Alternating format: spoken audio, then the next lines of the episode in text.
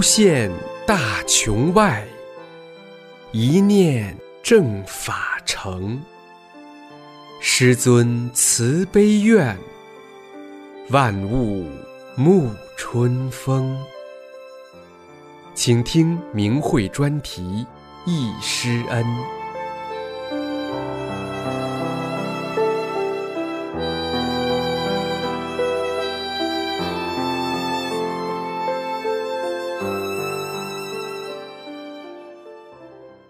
下面请听明慧文章《随师万里行》，作者大法弟子，发表日期二零零二年九月十六号。法轮大法九年红船纪实图片展《正法之路》即将展出，看到这栩栩如生的昔日的照片，不禁想起了这多年自己伴随着大法在世间的红船所经历的风风雨雨。我想尽力写一点出来，能够作为证实。献给这个在师傅的亲自指导下，历经八个月的挑选制作，终于完成的伟大作品。我从年轻时就有病，总在看病吃药，多年下来对医生药物已没信心。九二年底，身体状况急剧下降，由家人搀扶着上飞机来到北京找气功师。找到的气功师给补呀补的，治了许久也没解决根本问题。九三年七月，在一个朋友家里闲坐，看到书架上有一本法轮功，随手拿下来一翻，上面说给修炼者的小腹部位下一个法轮。我当时吃了一惊，从来没有人能知道生命的奥秘，气功师能造出一个有灵性的生命体来，真不可想象。这件事太大了。又一想，有一个法轮在小腹部位，那一定能治我的病。就急切地请这位朋友帮我去找到法轮功。七月二十五号，我参加了李老师在北京举办的第十一期法轮功传授班，从此开始了我的修炼之路。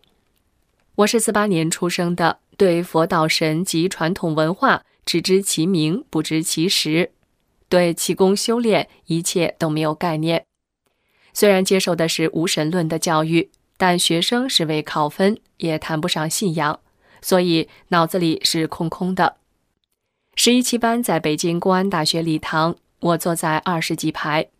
第一堂课就吸引了我，老师在讲史前文化，我聚精会神地听，心里暗暗吃惊：怎么这些事儿这几年自己也想过？我们这一代人在豆蔻年华时赶上了文化大革命，亲眼目睹了人世间各种辛酸苦辣、啼笑皆非的政治游戏。在惨痛的现实中，学会了独立思考，对政治、权力各种思潮都会冷静地跳出来观察它，评判它的对错。面对这茫茫的世界，心里很苦，不知用什么基准来衡量它，用什么标准来把握自己的行为。在工作单位，整日被勾心斗角、尔虞我诈包围着，心里十分厌恶。闲下来时，总喜欢看《奥秘》这类杂志，思索人生以外的问题。这时的心在人世外飘荡，感到轻松自由。今天一下听到了这么新鲜的东西，觉得好透气，很兴奋。每堂课我都津津有味地听，每天从课堂上下来，身体的难受程度都缓解许多。每天下午都是早早准备着上路。一期学习班结束了，我想能再参加一期就好了。听说十二期在五棵松的某单位礼堂，我赶紧找着买票。五棵松离我住的地方很远。几堂课后，我开始发烧，咳一声，嗓子连着心，疼得很厉害，话都说不出。老学员跟我说：“再难受，你也要坚持来。”三四天后，烧突然退了。感到难受的地方，好大一块东西没了。之后我又参加了第十三期，在二期车辆厂，更远。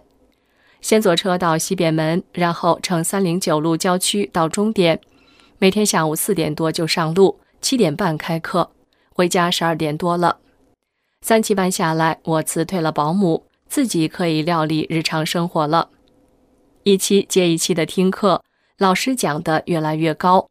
都是我从来没听过的全新的领域，那么信与不信呢？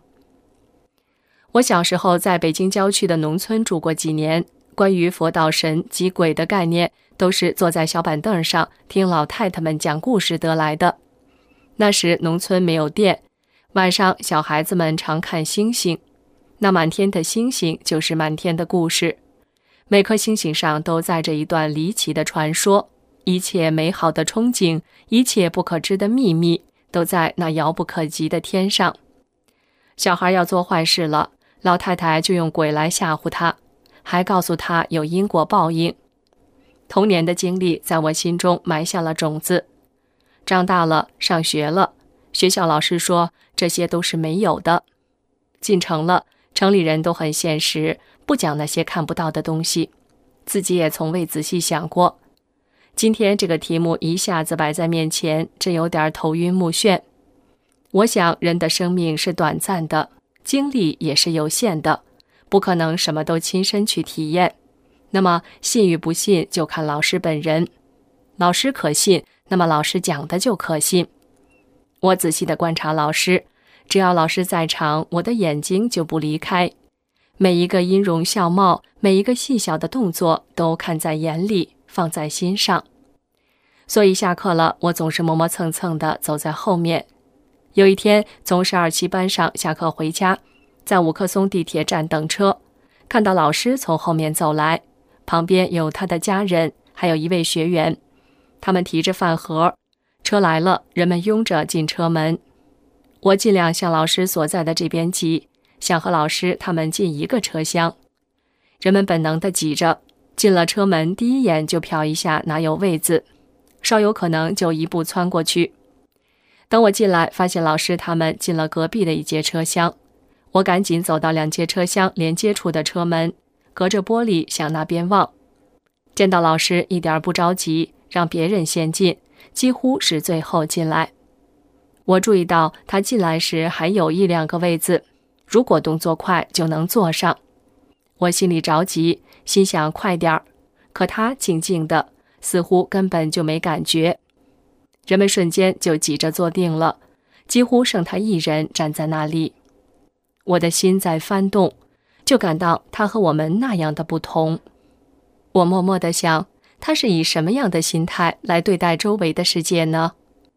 渐渐的，我心里升起了一个字，就是正。这位老师怎么这么正？正的让人不可思议，没有人间任何表面的东西可以掩盖，一切都是那么真实。没有造作，没有夸张，没有牵强，没有掩饰。开课的方式也不同于我所见过的任何一个集体讲话的方式。到点就上课，不绕弯，直奔讲课内容。所到之处也没见哪个社会名流来捧场，没有前呼后拥，一群人磕头作揖的要治病。学费也很低，十堂课九天四十元，老学员还减半。后来，由于气功科研会有意见，说法轮功的班收费太低，影响了其他公派办班的收费标准，这样又勉强调到五十元，老学员仍减半。老师在各地讲课，都是由当地气功科研会邀请主办，办班收入和气功科研会四六分成，所得的这一少半，除去随行工作人员的吃住旅费等，也就剩不下多少了。那时我就在想，老师不为钱也不治病，他在做一件什么事儿呢？每期班老师都在课堂上给大家整体调整身体，学员反应很大，都觉得很神。有的一期班下来，一辈子所有的病都没有了，不仅在身体上的收益很惊喜，而且感到一生都没这么心情舒畅过。一切都是那么透明，没有什么秘密，亲疏贵贱。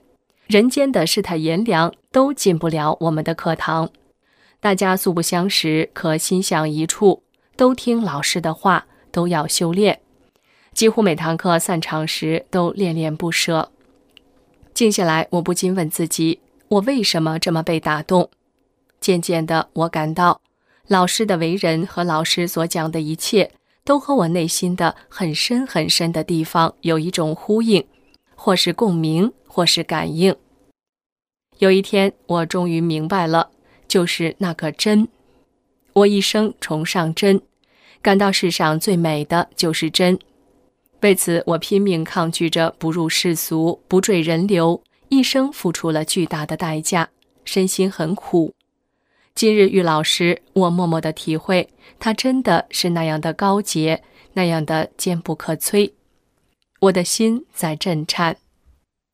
北京十三期班结束后，再下一期是武汉，我还想听下去，但独自上路对我来说很困难。虽然身体已有很大的变化，但原来底子太差，所以那时还是连暖壶也拿不起来。想来想去，别无选择，我还是壮着胆子上路了。我的票是中铺，其实爬上去对我来说就很困难。上车后坐在下铺。下铺的主人也不赶我，想喝水，刚一弯腰，边上的人马上帮我倒。到了晚上，下铺的小伙子突然说：“你睡中铺行吗？不行，我和你换。”我很不好意思，说：“先试试吧。”好不容易爬上去躺下，一会儿就觉得晃得像在大海上一样，难受的不行了。又爬下来说：“我还是和你换吧。”他二话没说就上去了。在汉口下车时，同车的人还帮我把行李拿到站台上。当时只觉得很幸运，多少年后才明白是师傅在管我。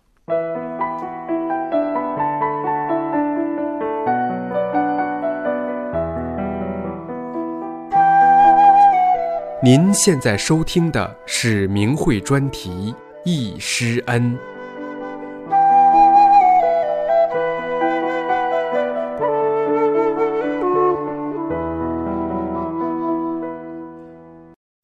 那次武汉连办了三期，即武汉的三四五期。第三期在武汉的财经学院，第四期在汉口的市委礼堂，第五期在武冈。武汉三期后已是十月中旬，下期办班是广州，我又到广州参加广州第二期传授班。老师每一期讲的都大致一样，但又不完全一样。讲同样的问题时，许多话都是一样的，有时就会换一个角度讲。只几句，我一下就茅塞顿开。就这样，越听越明白，越听越觉得事情大得了不得。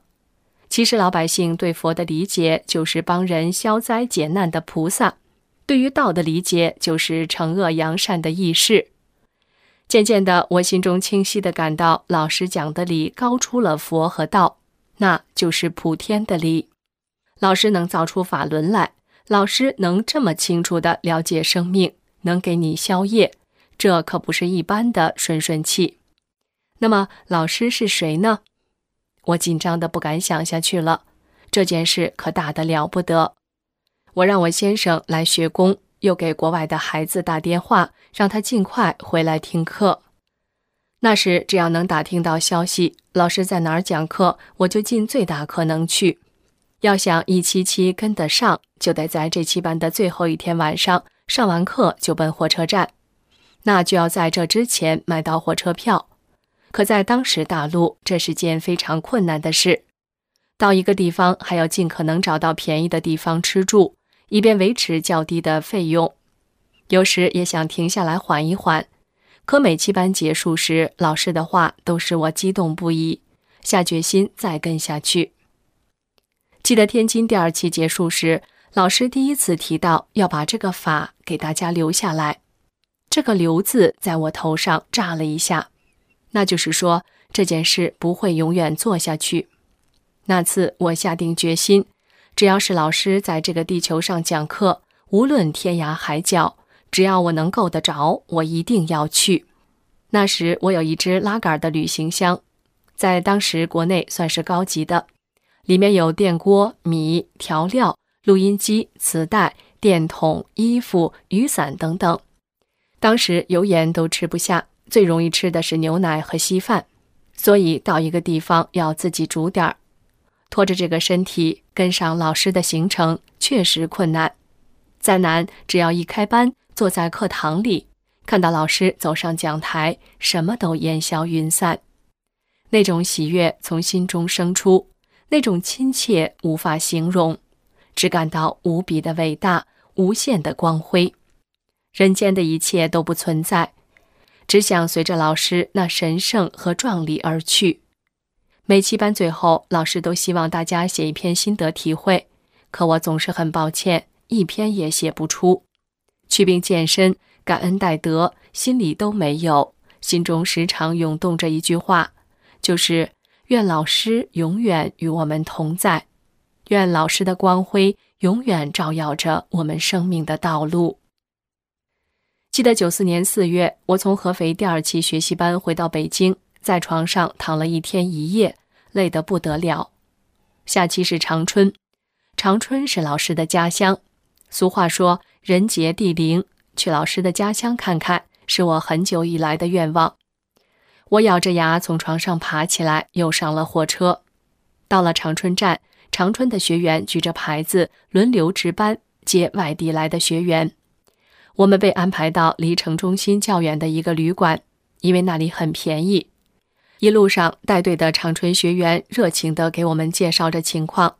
大家初来乍到，都很新鲜，早忘了疲劳，都高兴地从公共汽车的车窗向外望着。忽然，这位长春学员手指着远处说：“快看，那是老师的家。”我们顺着他手指的方向望去，是一栋极普通的没贴面的砖楼，顶多四五层高。老师这么大本事，却住在这样的地方。太不容易了，大家心中默默的升起敬意，半天望着不说话。那次开班在吉林大学的明放宫，由于外地来的学员很多，老师办了两个班，早班上午九点到十一点，晚班下午七点至九点。早班的票我早就买了，可晚班的票买不上。第一天上午下课后回到宿舍，总不定神儿。我们是来听课的。明知道老师晚上还在上课，可我们在宿舍里待着不是味儿。第二天上完课，我们没回旅馆，在礼堂外的草地上待着，一直等到晚上开课的时候。大家站在门口，希望能买到退票进去。时间一分一秒的过去，我们一群人眼巴巴的望着。突然，一个学员在我边上说：“谁要票？”我很高兴，一把拿过来，把钱塞给他。我高高兴兴地走进礼堂，准备落位。只见一个熟悉的老学员远远地奔过来喊：“我正到处找你。”我想，完了，这张票是保不住了。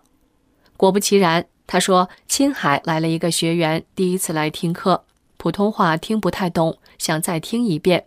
你是老学员，把票让给新学员吧。他是第一个从青海来学的。”我只好恋恋不舍地把票交出去。就又站到了大门口，人都进去了，早就上课了。我们这些没票的仍在门口站着。这时，礼堂的管理人员把正门关了，零星出入在侧面的一个小门。我们就向那个小门走去，在离小门不远的地方有一个年轻人，刚才我就看见他站在那里，也不吱声。当我走过他时，他忽然问我：“你要票吗？”我一愣。马上脱口要，他把票给了我，我赶紧把手里攥着的那位青海人给我的票钱塞给他，我又有票了。看着周围羡慕的目光，我很不好意思，就对边上一个也是老跟班的郑州小伙子说：“你进去吧。”他说：“这是该你去的，你就去吧。”当时明放宫的地下室在办舞会，买张舞票从小门进去就可以到听课的大厅。可大家都没有这么做。天津的一个小伙子说：“如果我们做了这样骗人的事，即使能进去听课，什么也得不到。”后来听说我进去后，又过了很长时间，礼堂的看门人看到学员这样的锲而不舍，很感动，就把守在门口的学员都放进去了。那期班，我们分小组和老师合影，大家自动组合，老师挨个和大家一起照。老师每天从家中走去上课，有的学员有开车的方便，想请老师坐车，老师都婉言谢绝了。我们住的旅馆离吉林大学很远，那时公共车票还很便宜，只要几毛钱。有的学员每天很早就上路。有一次，我问一个学员：“这么远，你怎么不坐车？”他说：“爱人不支持，所以他一分钱一分钱的省，能攒出点钱，就又可以参加一个班。我听了很感动。这是老师在家乡办的最后一期班。最后一堂课结束时，老师给家乡的人说了一番话，语重心长，催人泪下。我和几个学员的车票，开车时间还有不到半个小时了，可大家还在听老师讲话，不愿走。离开明放宫，冲到马路上，只剩十几分钟了。我想赶不上火车可麻烦了，票是很不容易才托人买上的。是硬座，而且要到天津再转北京。上了出租车，跟司机说：“帮帮忙，快点开，十分钟赶到。”出租车在车站广场的外边停住了，离站台还远得很呢，只有几分钟了，也不知哪个站台。天津的小伙子提着我的沉重的箱子，也飞也似的跑，几个人扛着行李飞跑，什么都来不及想。挤进了车站，径直上了站台，也没走错。只见天津的小伙子一脚踏上货车，扑通就跪倒了，货车瞬间就开了。那天真是奇迹。您现在收听的是明慧广播电台。您现在收听的是明慧广播电台。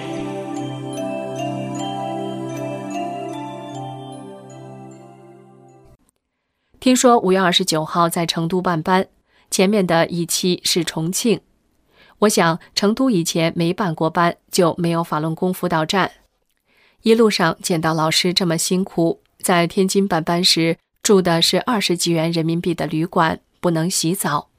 我们听完课回去睡觉，可老师二十四小时都在给我们调整。就这样，还有人硬是找到老师的住所进去磕头不起来。让老师给他家里人治病，老师怎么讲也不听。面对这芸芸众生，什么样的人心都有，老学员心里都很难过，从来不到老师跟前凑，希望老师能多休息一会儿。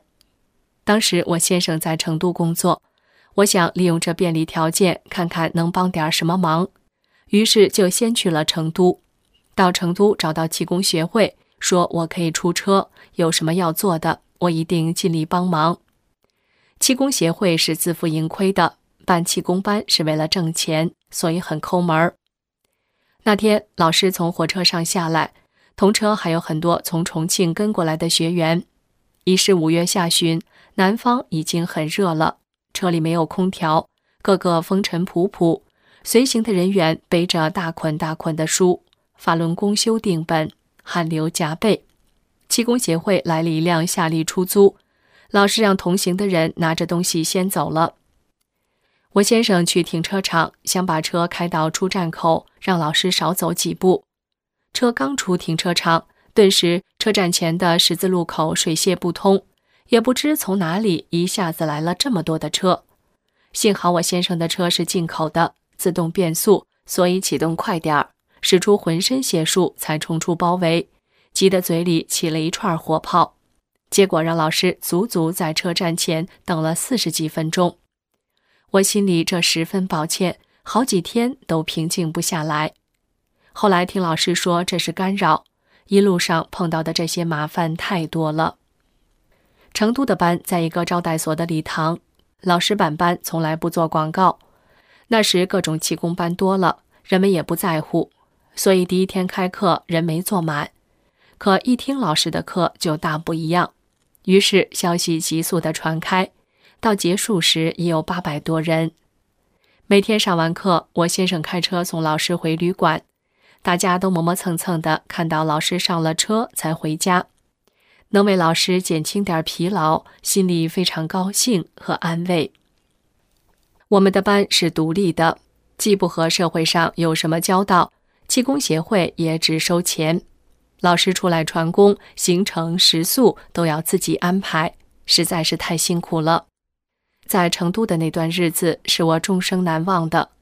我跟随老师去了许多地方，我们的车在前面，同车的还有一位香港的商人，听说成都要办班，就一直在成都等着。他的国语说不好，所以听课有些困难。老师一路上在给他讲解。下车了，后面的车还没上来，我们就先进大门。老师走在前面，一进门，两旁站着四大金刚。老师回过头来跟我说：“我讲课的时候，他们都在场。”我说：“他们怎么这么难看呀？”老师说：“他们威力很大的。那时庙里很乱，胡黄白柳什么都有，老师所到之处都在清理，只一挥手就行。”几天后，老师去青城山，同行的有大连站长、贵州站长、武汉站长和其他几位学员。那次，我突然明白了古人云“山不在高，有仙则灵”的意思。我这样的身体居然爬上山顶又走下来，回来后，我先生的同事大吃一惊。成都班结束后，我们和老师去了乐山和峨眉山，在乐山的罗汉堂里，同行的一位工友跑过来跟老师说：“某某菩萨说见到老师很不好意思，向老师行礼。”老师说：“我们走时他们会送出去很远。”我听得一愣一愣的，我只能看到一个个泥巴塑的像。出罗汉堂时，后面的和尚在说：“这群人了不得。”显然他看到了什么。峨眉山确实和其他地方不一样，在金顶，我对天幕第一次有了真实的感觉。跟着老师走了一圈，神的事情太多了，我的大脑有点承受不住。我想起了《西游记》，还有一系列的传说。我问老师：“怎么神话故事都成了真的？”老师说：“神话故事也不是无缘无故的。”下一期是郑州，好不容易买到了卧铺票，我和老师同乘一次车去郑州。上车那天天很热，进站时挤得不得了。老师和我们一样拿着东西，汗流浃背，我心里很不是滋味儿。一点办法也没有，上车才知道是加挂的最后一节车厢，和前面不是一个局的。列车是成都局的，这一节是郑州局的。前面的列车不管这节车厢的一切供应，连水也不给，通向前面车厢的门也给锁了。这节车厢上还有其他一些学员，我心里很着急。路上只有方便面，可没热水怎么办？我和同行的武汉学员找了一只水壶，停车的时候跑下去，从前面车厢上去灌满开水。可跑回这节车厢的时间就没有了，只好在前面的车厢站到下一站再下车，从站台上跑回这节车厢来。这点水也仅够喝水，每顿饭给老师泡一包方便面。我们和老师一起买的票共六张，是这节车厢旅客的最后一个格子。也就是最后面的车尾了。车过华山时，老师站在车位，那节车厢后连接处的门上没玻璃。老师在那里站了很久，望着远山。我当时很纳闷儿，想老师在看什么呢？我也好奇地走过去望望。老师告诉我，华山上很多修道的人都下来了，来看望老师，跟着火车走。老师问他们。你看我的弟子如何？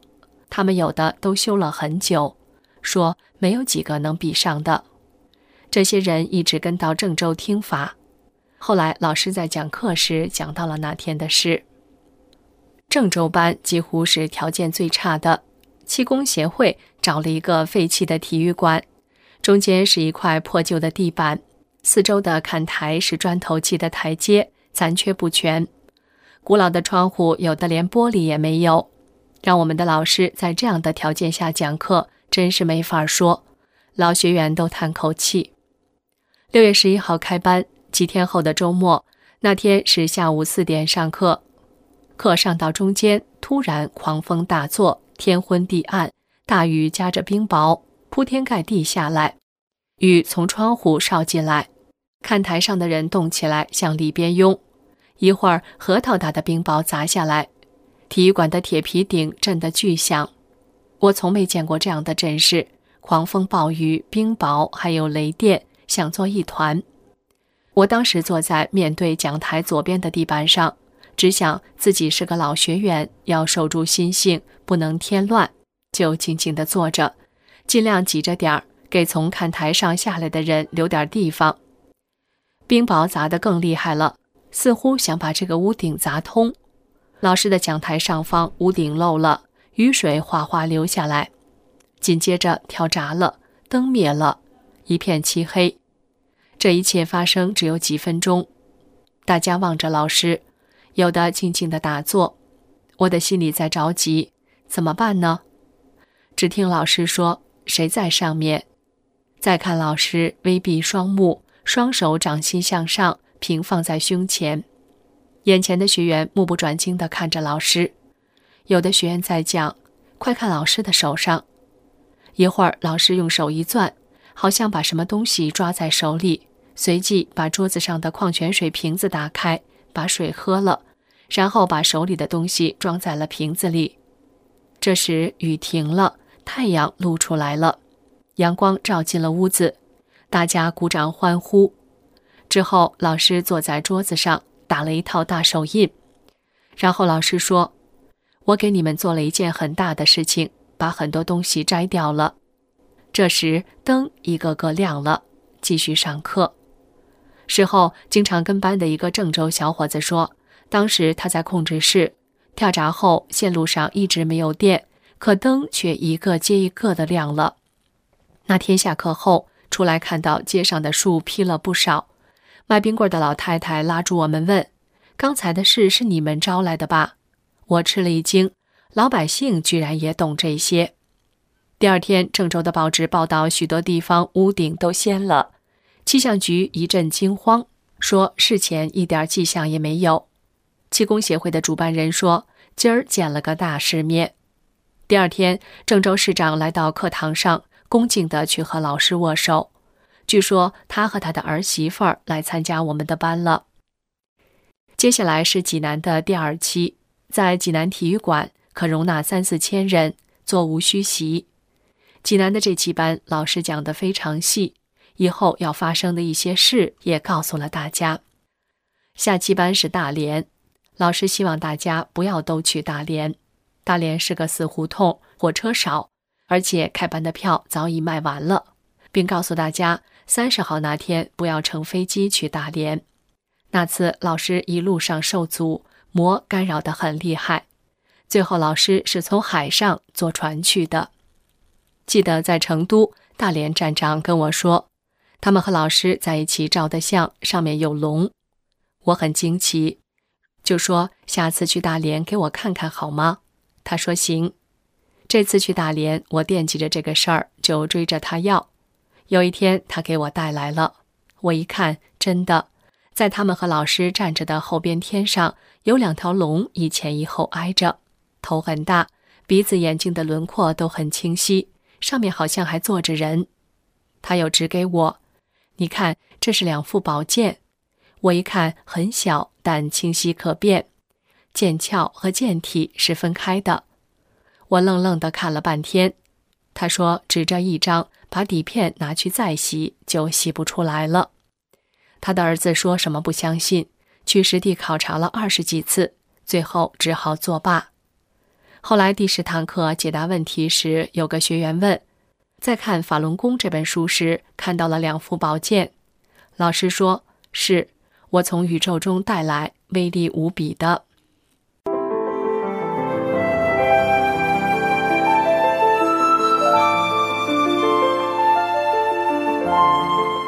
您现在收听的是明慧专题《易师恩》。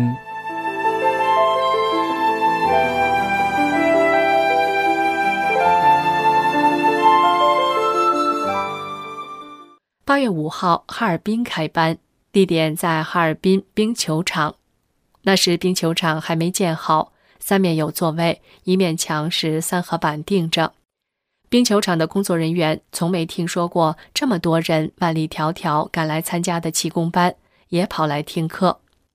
有一天上课还早，老师走进来绕场看望大家。当时走到学员前面时，看台上离老师近的这一面学员呼一下起立。虔诚地向老师表达敬意，老师向前走，前面的学员又呼的一下站起来，就这样随着老师绕场一周，学员们整齐地站起来坐下，此起彼伏，这场面壮观极了。那一刻，整个场充满了神圣与崇敬，连学员们自己也惊呆了。这是没有任何准备的。我旁边的一位第一次来听课的小声说：“哎呀，从来没见过这样的场面，什么国家领导人来都不可能。”延吉的一期在延吉体育馆，热心操办的是延吉最早出去听课的一位朝鲜学员。他说。他要给家乡父老做一件好事。据说他所在的单位百分之七十的人都来听课了。那期最后一天，朝鲜族的学员穿上了鲜艳的民族盛装，五颜六色，这是他们最隆重的礼节，向老师表示感谢，为老师送行。课后有个简短的结束仪式，老师把收入的七千元全部捐给了延吉红十字会。那天从课堂上出来。我直奔火车站，乘图们江一号去长春，然后转道去哈尔滨。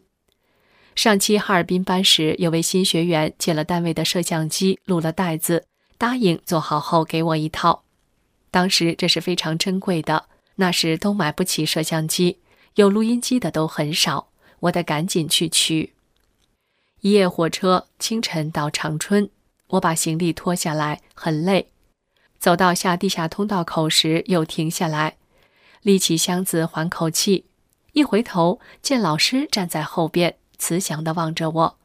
我又高兴又感动，又怕老师帮我提箱子，慌忙说：“老师，您甭管我，您先走，我没事儿。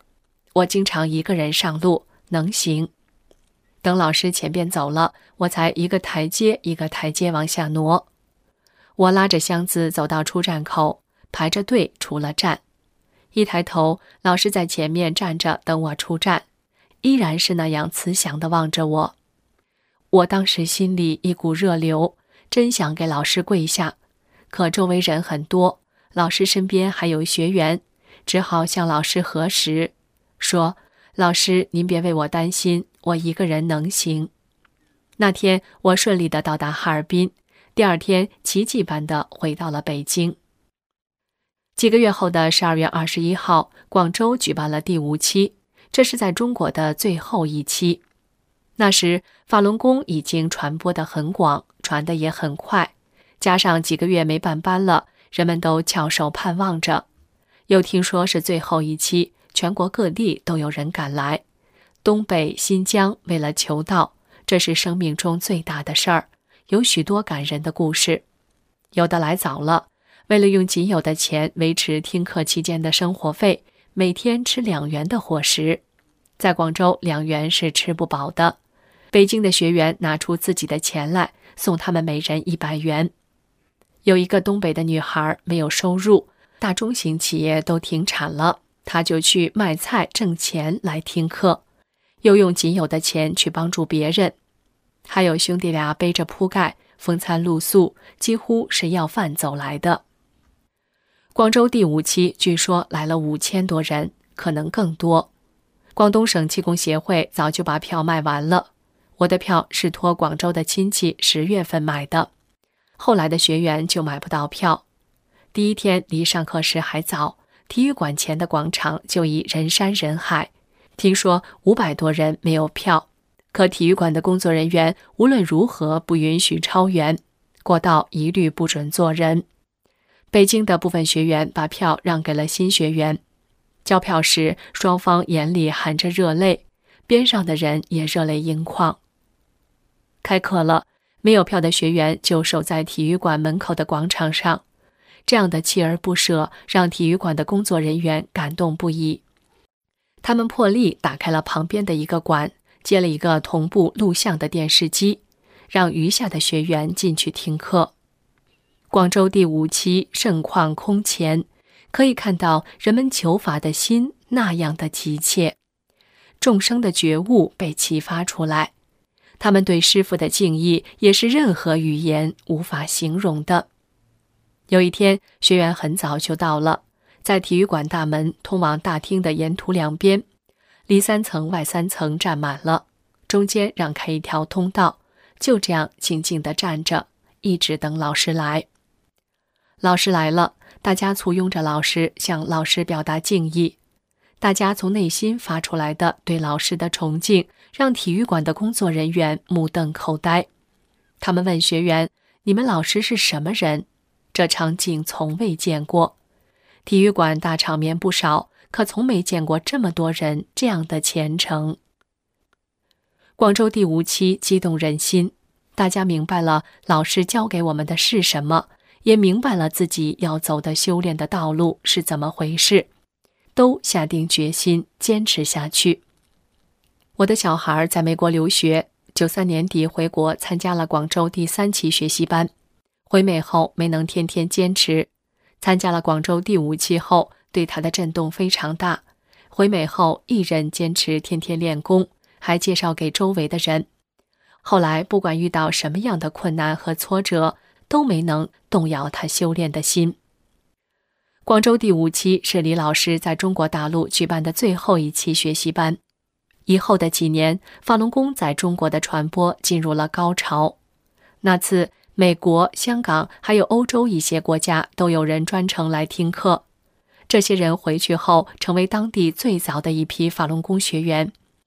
这些学员在以后法轮功在世界各地的红传中都做了许多工作，起到了应有的作用。回想八年来走过的路，万分庆幸自己赶到了大法红传之时，能亲身聆听老师讲法，亲受老师传功，这是令多少人羡慕的万分珍贵的机缘。虽然这多年吃了许多苦，遇到了许多难，但是这和以前无奈的受病痛的折磨时的心态已完全不一样了。通过自己吃苦修炼。明明白白地感受到身上的脏东西一块块排掉，现在全身充满了活力，生命充满了希望，看到了广阔而美好的未来。其实生命的本源是美好的，只是由于不知道宇宙的法理，在无知中造了不少业，就是自己陷入了痛苦的深渊。老师把宇宙的真法告诉了我们，又为我们清理了身体。下上了法轮和一切修炼的因素，使我们能够在大法中修炼，身心不断的升华。不修炼的人会看到练功人很苦，可练功人会感到很幸福，因为我们是向上的生命，是能够与天地永恒的生命。过去觉得这只是人的美好愿望，而今天却真真切切身体力行的走在这条路上。我们真的能跳出苦海，返本归真了。我的故事就讲到这儿，已经很长了。我想写出来，并不是想表白什么，我是想说，师傅的法传得太不容易。从开始传法这九年来，一分一秒都没有停过，许许多多是我们永远不可能知道的，我们的心也永远装不下的。他的品格的崇高伟大，他的智慧的浩瀚壮阔，用人的语言的内涵无法表达其万一。九九年七月，在大陆看到电台、电视台疯狂的造谣，用他卑劣的用心把人不好的心都挑逗出来。世人不去说，有的练功人也开始动摇，我就觉得这是多么的荒唐可怜，怎么能用人心去揣度佛心？用人理去评佛理呢？在这法正乾坤的最后时刻，我回忆我走过的路，也把它讲给大家，是为了我们记住过去，不要自满，不要懒惰，一如既往地跟随师傅前行，为了自己，更为了宇宙众生永恒的未来。